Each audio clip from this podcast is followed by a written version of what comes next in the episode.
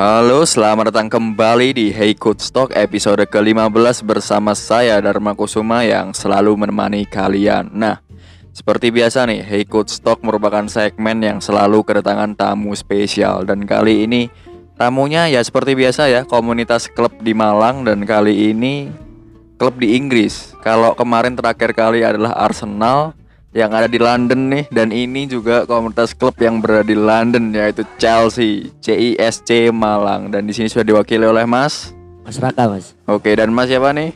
Mas Rakil. Oke ini dua dua orang ya nih setelah sekian lama nggak bertiga ikut stok sendiri. Nah Mas Raka nih bagian apa nih Mas? Boleh diceritakan dulu.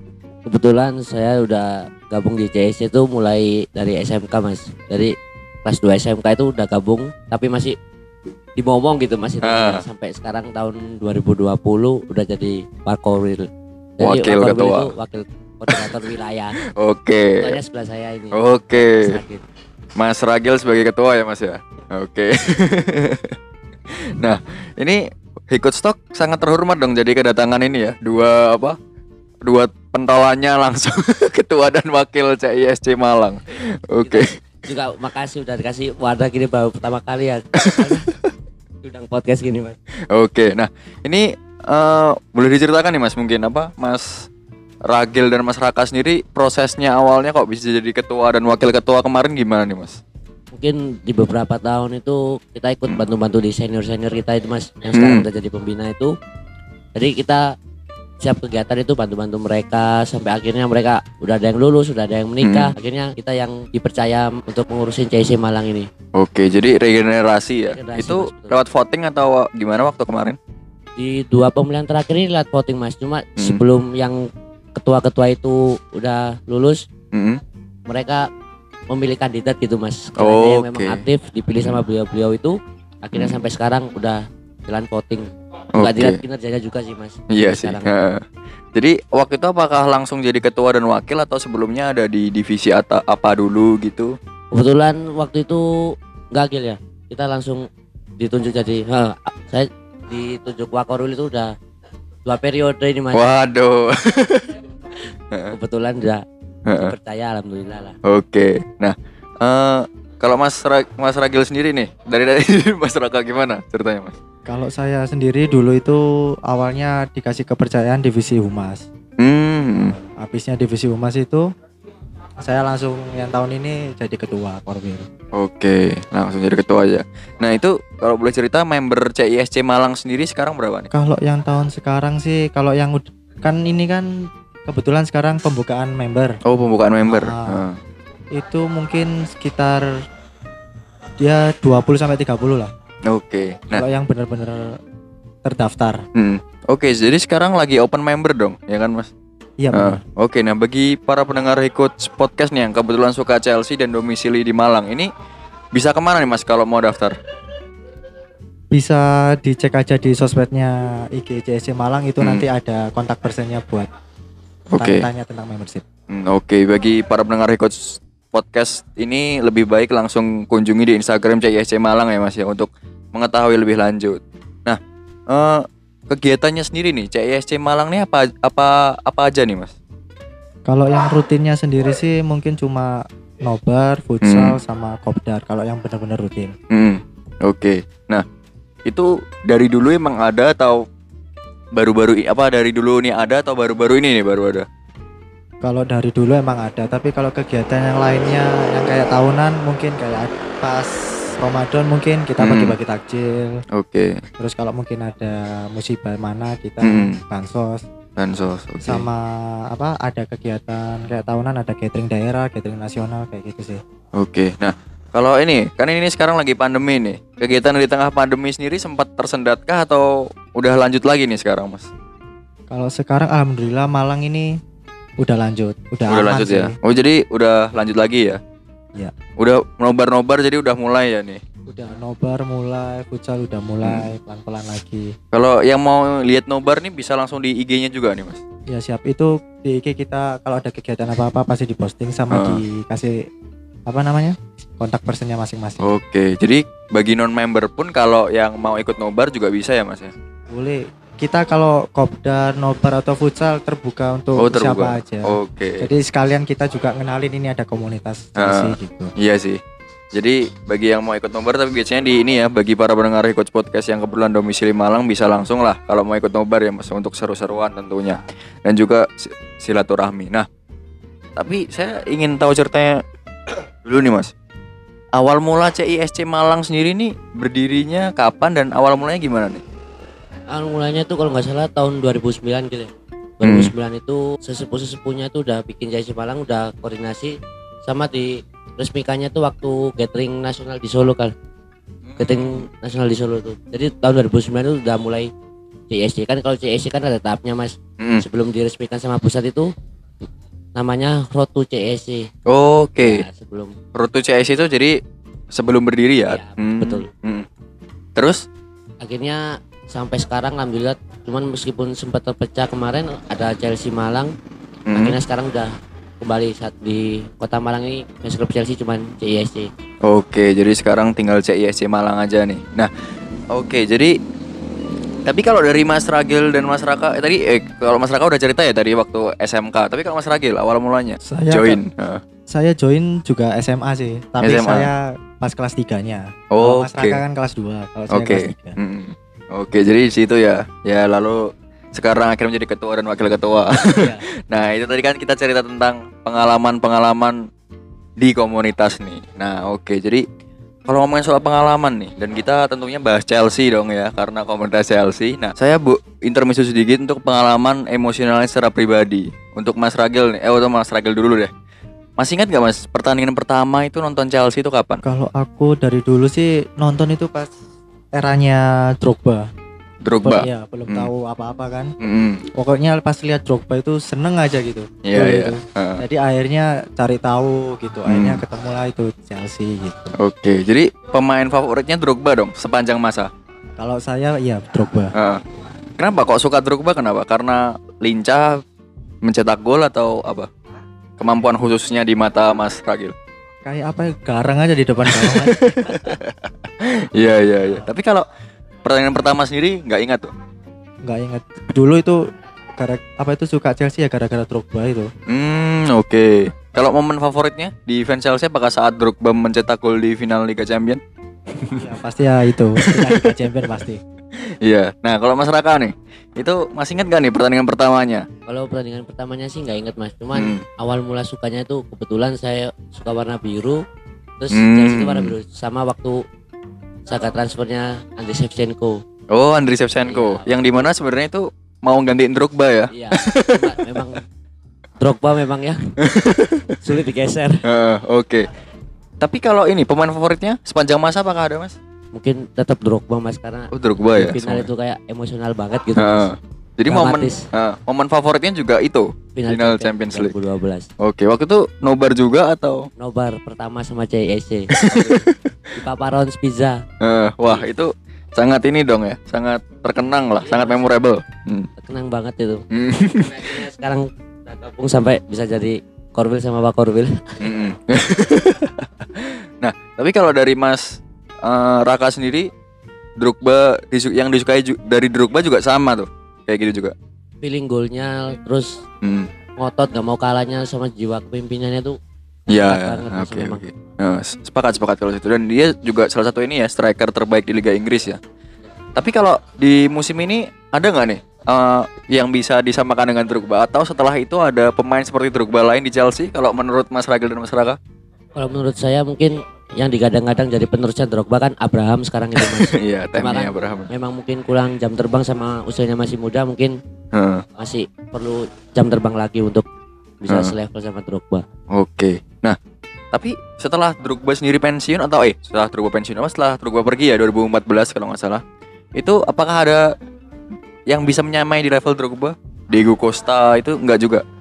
kalau menurut saya Diego Costa sebenarnya punya potensi Mas untuk menyamai Drogba punya Hmm. karakter yang sama-sama keras gitu Mas cuman Heeh. mungkin karena Diego Costa keburu hengkang itu Mas Iya, iya. menurut saya sekarang belum ada striker kayak Drogba dengan Oke. dia di Chelsea Oke, jadi masih belum ada nih yang sosok striker menemukan Drogba. Tapi kalau ngomongin soal legend-legend nih, kan Chelsea tadi legendnya Drogba ya dan legendnya yang lain adalah Frank Lampard ya kan dan sekarang Fra- Frank Lampard ini jadi pelatih nih Mas. Frank Lampard sudah menjalani satu musim ya menuju kedua musim lah ya kan nah sejauh ini apakah Lampard pantas menjadi pelatih Chelsea Menurut saya cukup pantas mas karena kemarin Chelsea sempat kena Bennett ya mas ya. ya musim Jadi, pertama ya nggak bisa ngerekrut pemain, cuman bisa ngandalin pemain-pemain dari akademi dan terbukti. Sekarang pemain-pemain yang diorbitin sama Lampard itu bisa konsisten di timnas sama klub gitu mas. Kayak Mm. contohnya Mason Mount, terus Mm. Tammy Abraham kan mungkin itu kalau bukan Lampard nggak mungkin pelatih bisa ngasih kepercayaan segitunya Iya, sama iya. pemain muda. Oke, nah tapi kalau dari Mas Ragil, apakah Lampard ini udah pantas nih jadi pelatih Chelsea? Kalau menurut saya sih pantas karena dia apa itu pinter sekali nyari pemain-pemain muda berbakat untuk diorbitin ke, Hmm, ke apa itu tim, tim utama. utama. Hmm, Oke, sejauh ini eh, Frank Lampard sendiri mengorbitkan siapa yang paling jos lah istilahnya?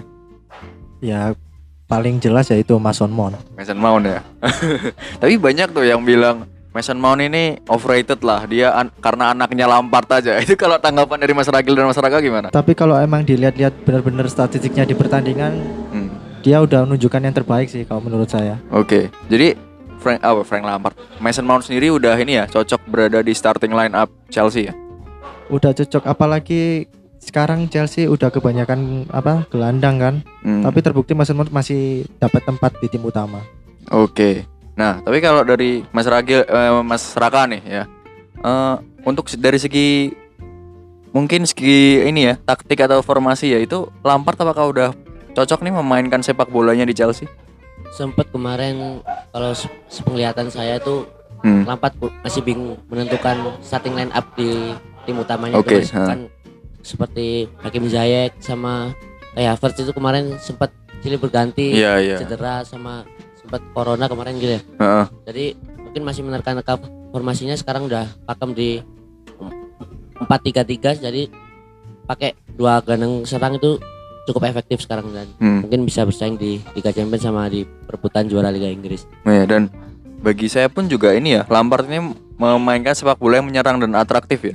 Betul, Nah, sebagai fans Chelsea ini, ini kan ya dimulai waktu Sari ya waktu itu ya. Dan sekarang Lampard melanjutkan. Ini apakah fans Chelsea sendiri sudah terbiasa nih untuk melihat sepak bola yang atraktif seperti itu? mungkin kebanyakan kan Chelsea beberapa tahun terakhir sebelum era Sari itu mengandalkan serangan balik mas ya. Conte Jadi gitu. setelah ada Mauricio Sari itu Nah, kayak total football itu lebih nyenengin gitu mas dilihat Hmm. mas daripada main bertahan. Cuman meskipun efektif lebih suka melihat Chelsea main possession lah menurut saya. Oke. Nah, kalau dari Mas Ragil juga sekarang lebih suka nih dengan permainan seperti itu. Jelas sangat menghibur. Sangat menghibur ya. Walaupun apakah sekarang ini fans Chelsea lebih mementingkan permainan dibanding hasil karena dulu-dulu kan pasti ngomongnya yang penting menang. Tapi kalau sekarang gimana nih? Tapi kalau sekarang dari era Lampard kayaknya udah dua-duanya udah bisa. Nih, iya benar-benar. Sekarang Chelsea kalau udah peringkat berapa nih? Tiga, dua Sekarang dari 10 pertandingan ini ya. heeh, Dua, eh tiga ya, tiga tiga. tiga ya. Oke. Nah, eh ini sendiri, taktiknya sendiri pun musim kedua ini sudah mulai tidak naif kah? Karena beberapa kali contohnya lawan MU musim lalu kalah bahkan sampai tiga kali, yang di mana tetap memainkan formasi yang sama terus tuh. Padahal udah tahu MU main serangan balik dan sekarang terbukti Lampard nggak segan-segan bermain bertahan ketika lawan MU dan bahkan lawan Tottenham sendiri pun ketika tertahan dia mencegah serangan baliknya cukup baik gitu. Apakah ini artinya Lampard di musim kedua udah nggak naif kayak dulu nih mas? Kalau dari Mas Raga dan Mas Raga? Kalau dari saya sih Lampard sudah tidak naif ya karena Lampard sendiri Hmm. untuk musim ini masih bingung nentuin starting line up karena kan banyak transfer yang masuk. Iya Jadi benar. masih mencari kecocokan-kecocokan. Mungkin Hmm. kalau musim depan udah pasti bisa lah. Iya sih. Dan ini ya terkadang kat- banyak yang bilang juga nih Lampard juga terkadang salah menempatkan posisi pemain. Havertz, terus Werner yang paling sering nih Havertz sama Werner. Apakah sepakat dengan hal itu? Mas Raka atau Mas Ragil? Saya sangat sepakat kalau seperti Hmm. itu. Kalau Mas Raka juga? Saya cukup sepakat kalau memang Lampard kerap menempatkan pemainnya yang di nggak di posisi murinya mas kayak Ah. Werner mungkin karena Abraham sama Giroud lagi bagus bagus bagusnya Ah. jadi Werner digeser ke sebelah kiri meskipun mengobarkan Hudson Odoi sampai Heeh. cadangan. Iya benar. Mungkin memang lebih banyak jam terbangnya dari Werner, nggak bisa dibohongin ini mas. Iya sih, iya benar-benar. Dan ini juga Giroud nih kan lagi bagus lagi nih. Ini apakah udah layak nih Giroud untuk masuk start starting line up lagi? Cukup pantas mas karena di timnas Prancis mereka Giroud itu menyingkirkan nama-nama besar seperti Lacazette sama Karim Benzema. Iya benar. Bukan tugas yang enteng Mudah. menurut saya ah, benar. untuk menyingkirkan dua nama besar itu dan Giroud terbukti konsisten. Iya iya iya. Gelar Piala Dunia pun strikernya Giroud meskipun nol gol. Mesti kan mestinya dia hanya menjadi tembok ya, Iya, meskipun betul. hanya menjadi tembok. Maksudnya. Heeh. Nah, jadi untuk sejauh ini kesimpulannya apakah Lampard nih sudah bagus, oke atau masih kurang menurut saya tinggal meningkatkan konsisten konsistensi. konsistensi? Heeh, Oke. Jadi menempatkan pemain-pemainnya pada posisinya itu yang jadi PR Lampard menurut saya. Iya. Dan kalau dari Mas Ragil juga udah oke nih Lampard? Udah oke tinggal itu menentukan starting line up-nya ini. Oke. Tapi kalau dari segi bertahan udah bagus ini jadi Lampard. Kan kemarin dikritik tuh habis-habisan, nggak bisa bertahan nih Lampard. Tapi sekarang udah bagus. Sudah bagus kan udah dapat kiper baru itu. Nah, kalau ngomongin soal kiper baru nih, Edward Mendy. Apakah Edward Mendy ini merupakan pemain terbaik nih sejauh ini? Kalau dari Mas Ragil atau Mas Raka? Kalau untuk lini pertahanan iya, karena Hmm. bisa apa? Mengordinir kan dari belakang itu backnya. Sebelumnya kan kayak si Kepa kan Iya. walaupun backnya siapa aja tetaplah kecolongan. Ya, dan Edward Mendy ini juga memiliki leadership ya. Kalau gua apa kalau saya lihat juga ya di bagaimana dia mengorganisasi yang seperti dikatakan Mas Ragil. Tapi kalau ngomongin soal pemain terbaik sejauh ini dari segala posisi itu siapa dong? Kalau dari Mas Ragil dulu mungkin. Kalau dari ini mungkin kalau dari lini pertahanan sih tetap Thiago Silva, jiwa kepemimpinan. Thiago Silva. Oke, jadi pemain baru juga ya Thiago Iya, Silva. pemain baru. Karena jiwa kepemimpinannya dan terus atau ap- apakah ada lagi? Yang Jiwa membuat dia, kepemimpinannya hmm. sama jam terbangnya udah tinggi, udah apa banyak pengalaman di pertandingan-pertandingan besar. Oke. Tapi apakah Thiago Silva nih akan men- merupakan investasi jangka panjang karena kan dia juga sudah tua nih. Enggak sih, kayaknya apa itu jangka pendek tapi dengan hadirnya dia kan para pemain-pemain muda pasti akan belajar Oh dari iya dia. benar benar benar. Oke, masuk akal tuh kalau itu. Dan kalau dari Mas Raka, pemain terbaik sejauh ini siapa nih? Kalau menurut saya pemain terbaik itu Ben Chilwell mas. Ben Chilwell. Iya. Oke. Kan alasannya mungkin Thiago Silva juga nggak bisa dimainkan di seluruh pertandingan kompetisi pasti setelah dia starting line up di Liga Inggris pasti di Liga Istirahatkan ya. Diistirahatkan. Hmm. Dan yang konsisten menurut saya itu Ben Chilwell. Oke. Bisa dilihat dari golnya dari clean sheet Chelsea itu Hmm. terbukti tertinggi terbanyak dari golnya sama paling dikit kebobolannya. Oke. Menurut saya andil besar dari Ben Chilwell karena penyerang dan bertanya sama-sama bagusnya. Kayak tahun lalu kan Alonso sama Emerson Ya, kecolongan gitu, ha, kecolongan. ha. Dan ini cukup menarik nih karena Mas apa Mas Raka menyebutkan Ben Chilwell karena fans Chelsea dan bahkan mungkin bisa dibilang pandit-pandit ya itu juga sering mengkritik Ben Chilwell. Waktu itu kalau Ben Chilwell datengin 50 juta pound sterling tuh, apakah Mas Raka waktu itu kaget dan ini kayaknya bakal flop nih gitu. Cukup kaget karena mungkin seharga fullback Mas ya. Harga 50 juta pound sterling menurut saya cukup tinggi. Mungkin ekspektasinya mungkin nanti tidak sesuai dengan yang diharapkan supporter tapi terbukti Ben Chilwell bisa Oke. menapik semua Mm-mm. Oh jadi Mas Raka ini ya menganggap Ben Chilwell ini cukup konsisten. Iya. Tapi kalau soal itu katanya Ben Chilwell ini crossingnya sering ngawur, crossingnya sering ke kerumunan doang. Nah kalau dari Mas Raka menanggapi itu gimana tuh? mungkin memang kerap kali crossingnya ada yang miss terus Mas Hmm. Ben Chilwell mungkin dilihatnya dari konsistensi bertahan sama menyerangnya mas kalau menurut saya Hmm, jadi oke. mungkin memang minusnya itu mungkin dari segi crossingnya mungkin kurang baut Hmm. kurang bagus Bagus. ha. Dan yang diimprove dari Ben Chilwell ini apa nih? Yang di- harus ditingkatkan nih per kemampuannya itu crossingnya atau apakah ada lagi? mungkin crossingnya sama mungkin dia lebih sering mencetak gol daripada ngasih assist kalau sekarang lihat statistiknya Oke. Mas. ha. Kalau dari Mas eh, Ragil menanggapi Ben Chilwell sendiri gimana nih? Kalau saya menanggapi Ben Chilwell itu apa ya? Dia ini sudah sudah bagus sih tinggal diperbaikin crossingnya aja Hmm. konsisten Oke. udah pasti bagus sih dia. Iya. Tapi layak ya untuk bermain di starting line up Chelsea? Sangat layak. Sangat layak. Oke, daripada Emerson ya. Tapi Tapi ini kalau ngomongin soal Ben Chilwell kan baru masuk juga, terus Thiago Silva, Silva juga baru masuk. Terus kira-kira nih bagi Mas Ragil sendiri transfer terbaik sejauh ini di musim ini tuh siapa? Kalau transfer terbaik di musim ini mungkin Hakim Ziyech. Hakim Ziyech. Ya. Oke. Kenapa Hakim Ziyech?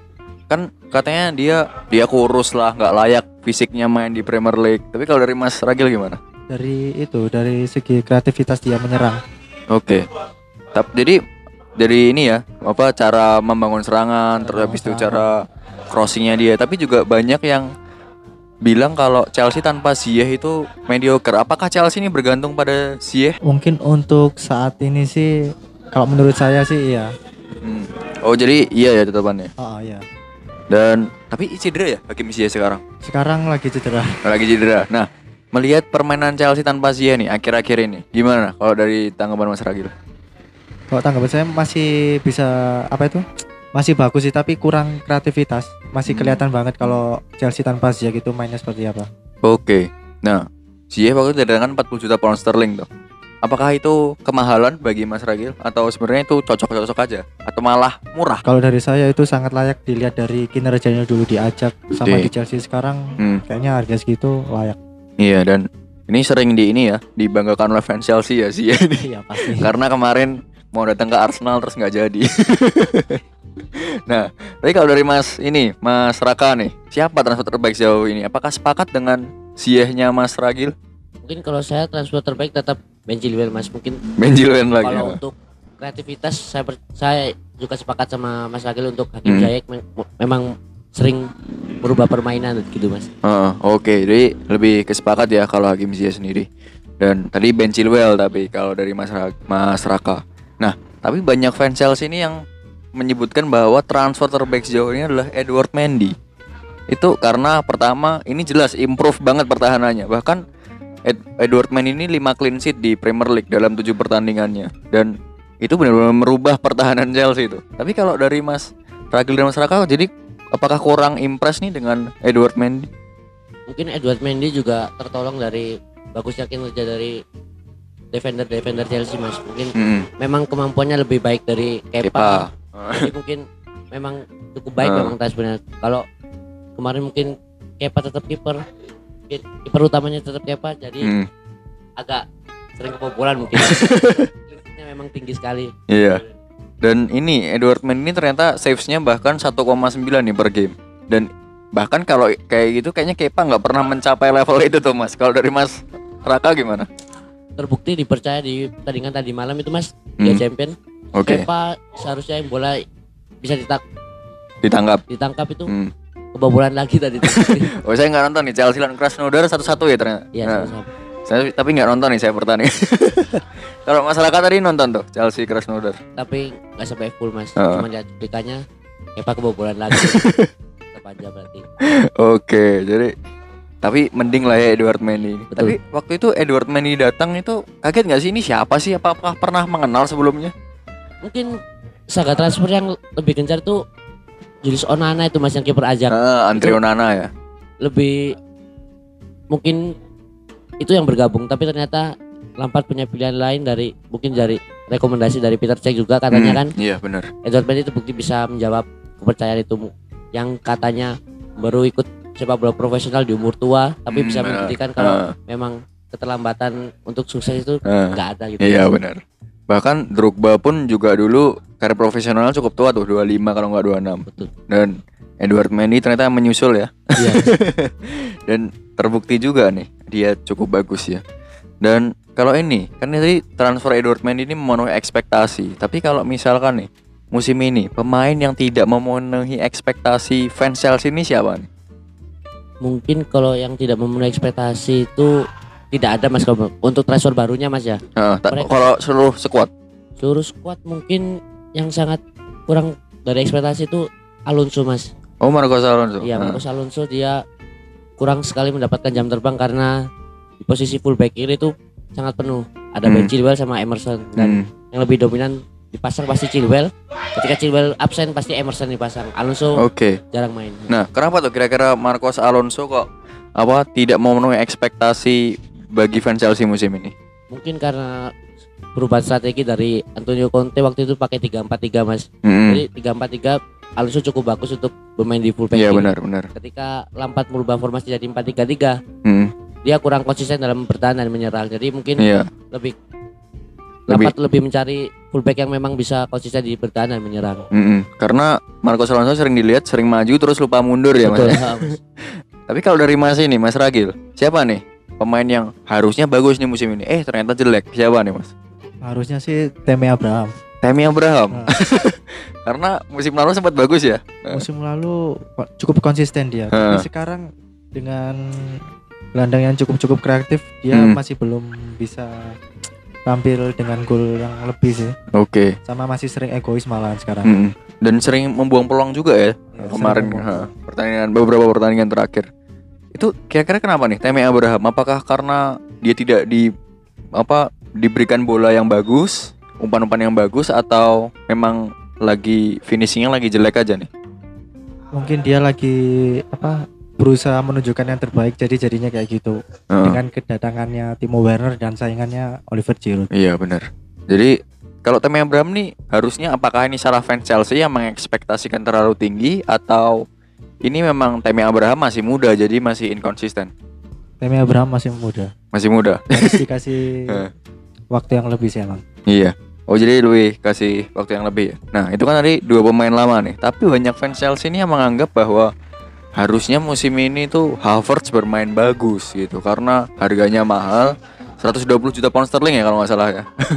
Iya. Tapi malah kemarin fans Chelsea mengejeknya dengan mengumpan ke billboard katanya. itu itu gimana tuh? Kalau kayak Havertz sendiri apakah sebenarnya ini sebenarnya ini memang harusnya memang adaptasi atau harusnya itu langsung bisa bermain bagus atau gimana? Kalau dari Mas? Kalau dari saya sendiri dia adaptasinya emang cukup lama sepertinya Hmm. karena udah terbiasa di Liga Jerman kan Hmm. dan kaget dengan keadaan Liga Inggris yang seperti itu. Oke. Apakah itu karena ini perbedaan permainannya Leverkusen dan Lampard karena Lampard lebih cepat tuh directnya.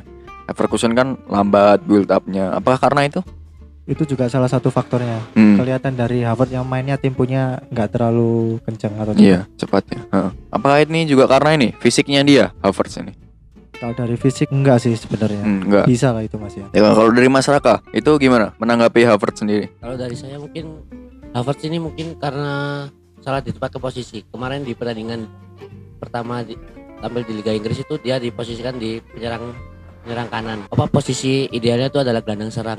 Hmm. Di gelandang serang ini pasti diisi Ma- Mason Mount. Oke. Kemarin Lampard lebih percaya Mason Mount diberi di gelandang di posisi Gelandang serang. gelandang serang Hmm. dan akhirnya Havertz digeser di sebelah kanan. Oke. Tapi kalau eh, menurut masyarakat nih, Havertz sama Mason Mount kira-kira lebih bagus mana nih? Harusnya.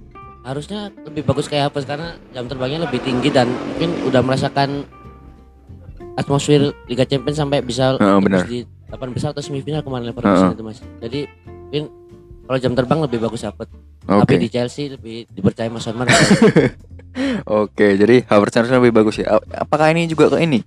Harganya yang terlalu mahal jadi membebani dia sendiri? mungkin bisa seperti itu jadi membebani dia Heeh. tapi untungnya dia di per- pertandingan apa Carabao Cup dia udah hat trick mungkin Oh, ini yang lawan siapa ya? Kemarin tuh. Klub Ya, klub lupa. divisi bawah. divisi lain sebelum kalah lawan Tottenham Oke, jadi Havertz masih oke lah ya kira-kira dan masih membutuhkan adaptasi. Dan saya cukup sepakat sih karena sebenarnya media sih yang yang apa yang membebani Havertz terlalu ini terus habis itu harus main bagus. Padahal Havertz sendiri pun pertama itu ya tadi Leverkusen dan Chelsea sangat berbeda nih tipe permainannya. Dan tentunya haru- dia juga masih muda jadi harus diberikan kesempatan lebih. Nah, apakah ini salahnya Chelsea nih? Kemahalan membeli Havertz yang harganya 120 juta pound sterling? Atau enggak sebenarnya? Sebenarnya kalau dilihat dari harga transfernya memang mungkin cukup mahalan mas Karena untuk Hmm. seorang gelandang serang Notabene Chelsea sudah punya Mason Mount Terlalu Hmm. memaksa sebenarnya transfer ini Cuman Oke. karena memang sudah terlanjur Akhirnya dia harus cepat beradap- beradaptasi dengan Hmm. sepak bola Liga Inggris Oke. Tapi hal ini apakah meru- sebenarnya merupakan investasinya Chelsea ini untuk Havertz? Ya bisa dibilang investasi karena usianya sangat mas- masih muda Hmm. 21 tahun sama seperti. Mason Mount Hmm, Jadi benar. Bisa jadi investasi jangka panjang Oke, iya benar sih. Saya sepakat lebih baik ini jadikan investasi jangka panjang ya. Nah, tapi ada pemain Jerman lain nih yang katanya tidak memenuhi ekspektasi juga yaitu Timo Werner. Itu apakah musim ini nggak memenuhi ekspektasi atau sebenarnya terlalu cepat nih ngejudge 10 pertandingan bahkan di IPL? terlalu cepat kalau menurut saya mas karena Heeh. beberapa pertandingan ini dia ditempatkan di posisi yang bukan posisi murninya di Hmm. penyerang kiri dia selalu main di posisi sayap jadi dia lebih sering melayani seperti gol Abraham sama gol polisi kemarin Mm-mm. bisa dilihat itu kontribusi besar dari Timo Werner Oke, jadi ini sebenarnya karena ini ya posisinya kurang baik, jadi Betul. nggak bisa mencetak gol dengan leluasa seperti dia di RB Leipzig. Nah, jadi tang tanggapan Mas Raka ini ini ya nggak pap ha- sebenarnya Werner nih nggak apa-apa ya. cukup menyenangkan melihat permainan dari Timo Werner ini mas Hmm. punya kecepatan dan juga punya feeling gol yang tinggi mungkin lebih digeser perannya dari goal getter jadi pelayan dari Iya benar Striker, benar. Nah, ap- tapi kalau dari Mas Raka apakah setuju Werner harusnya dijadikan pelayan atau lah enggak nih harusnya dijadikan striker utama? mungkin sebenarnya posisi yang lebih idealnya dia jadi penyerang tengah mungkin karena Hmm. memang pesaing pesaing dari Werner ini kayak Abraham sama Giroud lagi bagus-bagusnya jadi Hmm. Lampard lagi bingung ini posisi Iya benar benar benar. Oke, nah kalau dari Mas Ragil apakah setuju dengan ta- apa tanggapan dari Mas Raka tadi atau ada yang ditambahkan? Setuju sih, emang Werner itu cocoknya di penyerang tengah emang. Tapi Hmm. kan kebetulan Giroud dan Tammy Abraham masih konsisten. Masih konsisten. Jadi sulit apa itu sulat sulat sulit itu. Sulit. Nah, tapi sebenarnya Werner Werner tuh levelnya udah di atasnya Giroud, Tammy Abraham atau sebenarnya belum nih? Sebenarnya sih kalau Timo Werner sendiri sudah sih harusnya. Harusnya sudah ya. Nah, Nah, jadi yang menjadi masalah apa? Adaptasi lagi ini. Iya, tinggal adaptasinya aja ini. Heeh. Tapi kalau menurut saya sebenarnya Werner ini nggak terlalu kesulitan ya untuk beradaptasi di Lampard karena permainan Lampard sama Leipzig ini hampir sama kan yaitu direct cukup cepat gitu. Apakah sepakat dengan itu mas? Sepakat. Oke sepakat ya jadi. Nah tentunya untuk tadi kan pemain-pemain nih kita bahas pemain-pemain yang tidak sesuai ekspektasi dan sesuai ekspektasi. Terus kalau ngomongin soal sesuai nih, target musim ini yang sesuai itu apa? Juara IPL kah? Target yang untuk EPL sendiri masih belum sih. Masih belum. Musim depan pastinya. Oke, tapi banyak media yang bilang nih tim yang konsisten eh, yaitu Liverpool, City dan Chelsea yang tiga calon terkuat. Apa karena Chelsea sendiri kan belanja besar-besaran nih. Apakah itu membebani untuk jadi juara IPL atau enggak sebenarnya? Dari di ketiga tim, di ketiga tim itu Chelsea yang pemainnya masih belum konsisten. Oke, jadi Chelsea masih belum nih. Tapi jadi targetnya di IPL apa nih minimal Empat besar. empat besar. Enggak jauh beda ya jadi dari Masih masih tetap. musim lalu. Kalau dari Mas Raka sepakat dengan itu? sepakat mungkin memang Liverpool dan Manchester City lebih matang untuk kedalaman skuadnya mas mereka Hmm. juga udah terbukti bisa menembus semifinal Liga Champions dua tahun terakhir Hmm. mungkin Chelsea lebih jadi batu sandungan buat kedua tim ini Oke, jadi ini ya mungkin Chelsea bisa dibilang eh, mengincar Champions apa spot Champions League dahulu. Terus target juaranya musim depan juga nih mas. mungkin untuk target juara Liga Inggris karena kurang konsisten mungkin memang belum tapi untuk Liga Champions yang memang notabene Liga penuh kejutan mas mungkin Heeh. bisa berharap di Liga Championnya Oke, jadi untuk ngomong soal Liga Champion tuh, itu targetnya berapa? Semifinal kah harusnya? juara kalau misalnya Juara. juara. Kalau ngomong soal juara nih, kan ada Bayern Munich nih yang kemarin strong terus sekarang tambah strong lagi nih kayaknya. Apakah bisa mengalahkan Bayern Munich? untuk melihat dari sejarah mungkin memang sulit untuk mengalahkan Bayern Munchen. Heeh. Seperti tahun kemarin Chelsea juga dikalahkan sama Bayern Munchen. Heeh. Jadi sekarang mungkin kembali lagi berharap keajaiban seperti di Munchen tahun 2012. Nah, kalau misalkan nih di Liga Champion, klub Eropa nih kira-kira Chelsea ada di, di peringkat berapa nih? Kan kalau misalkan ini calon juara Bayern Munich, Liverpool, bisa dibilang ya dua tim ini. Terus Chelsea ini posisinya di, di berapa nih? Mungkin empat besar atau?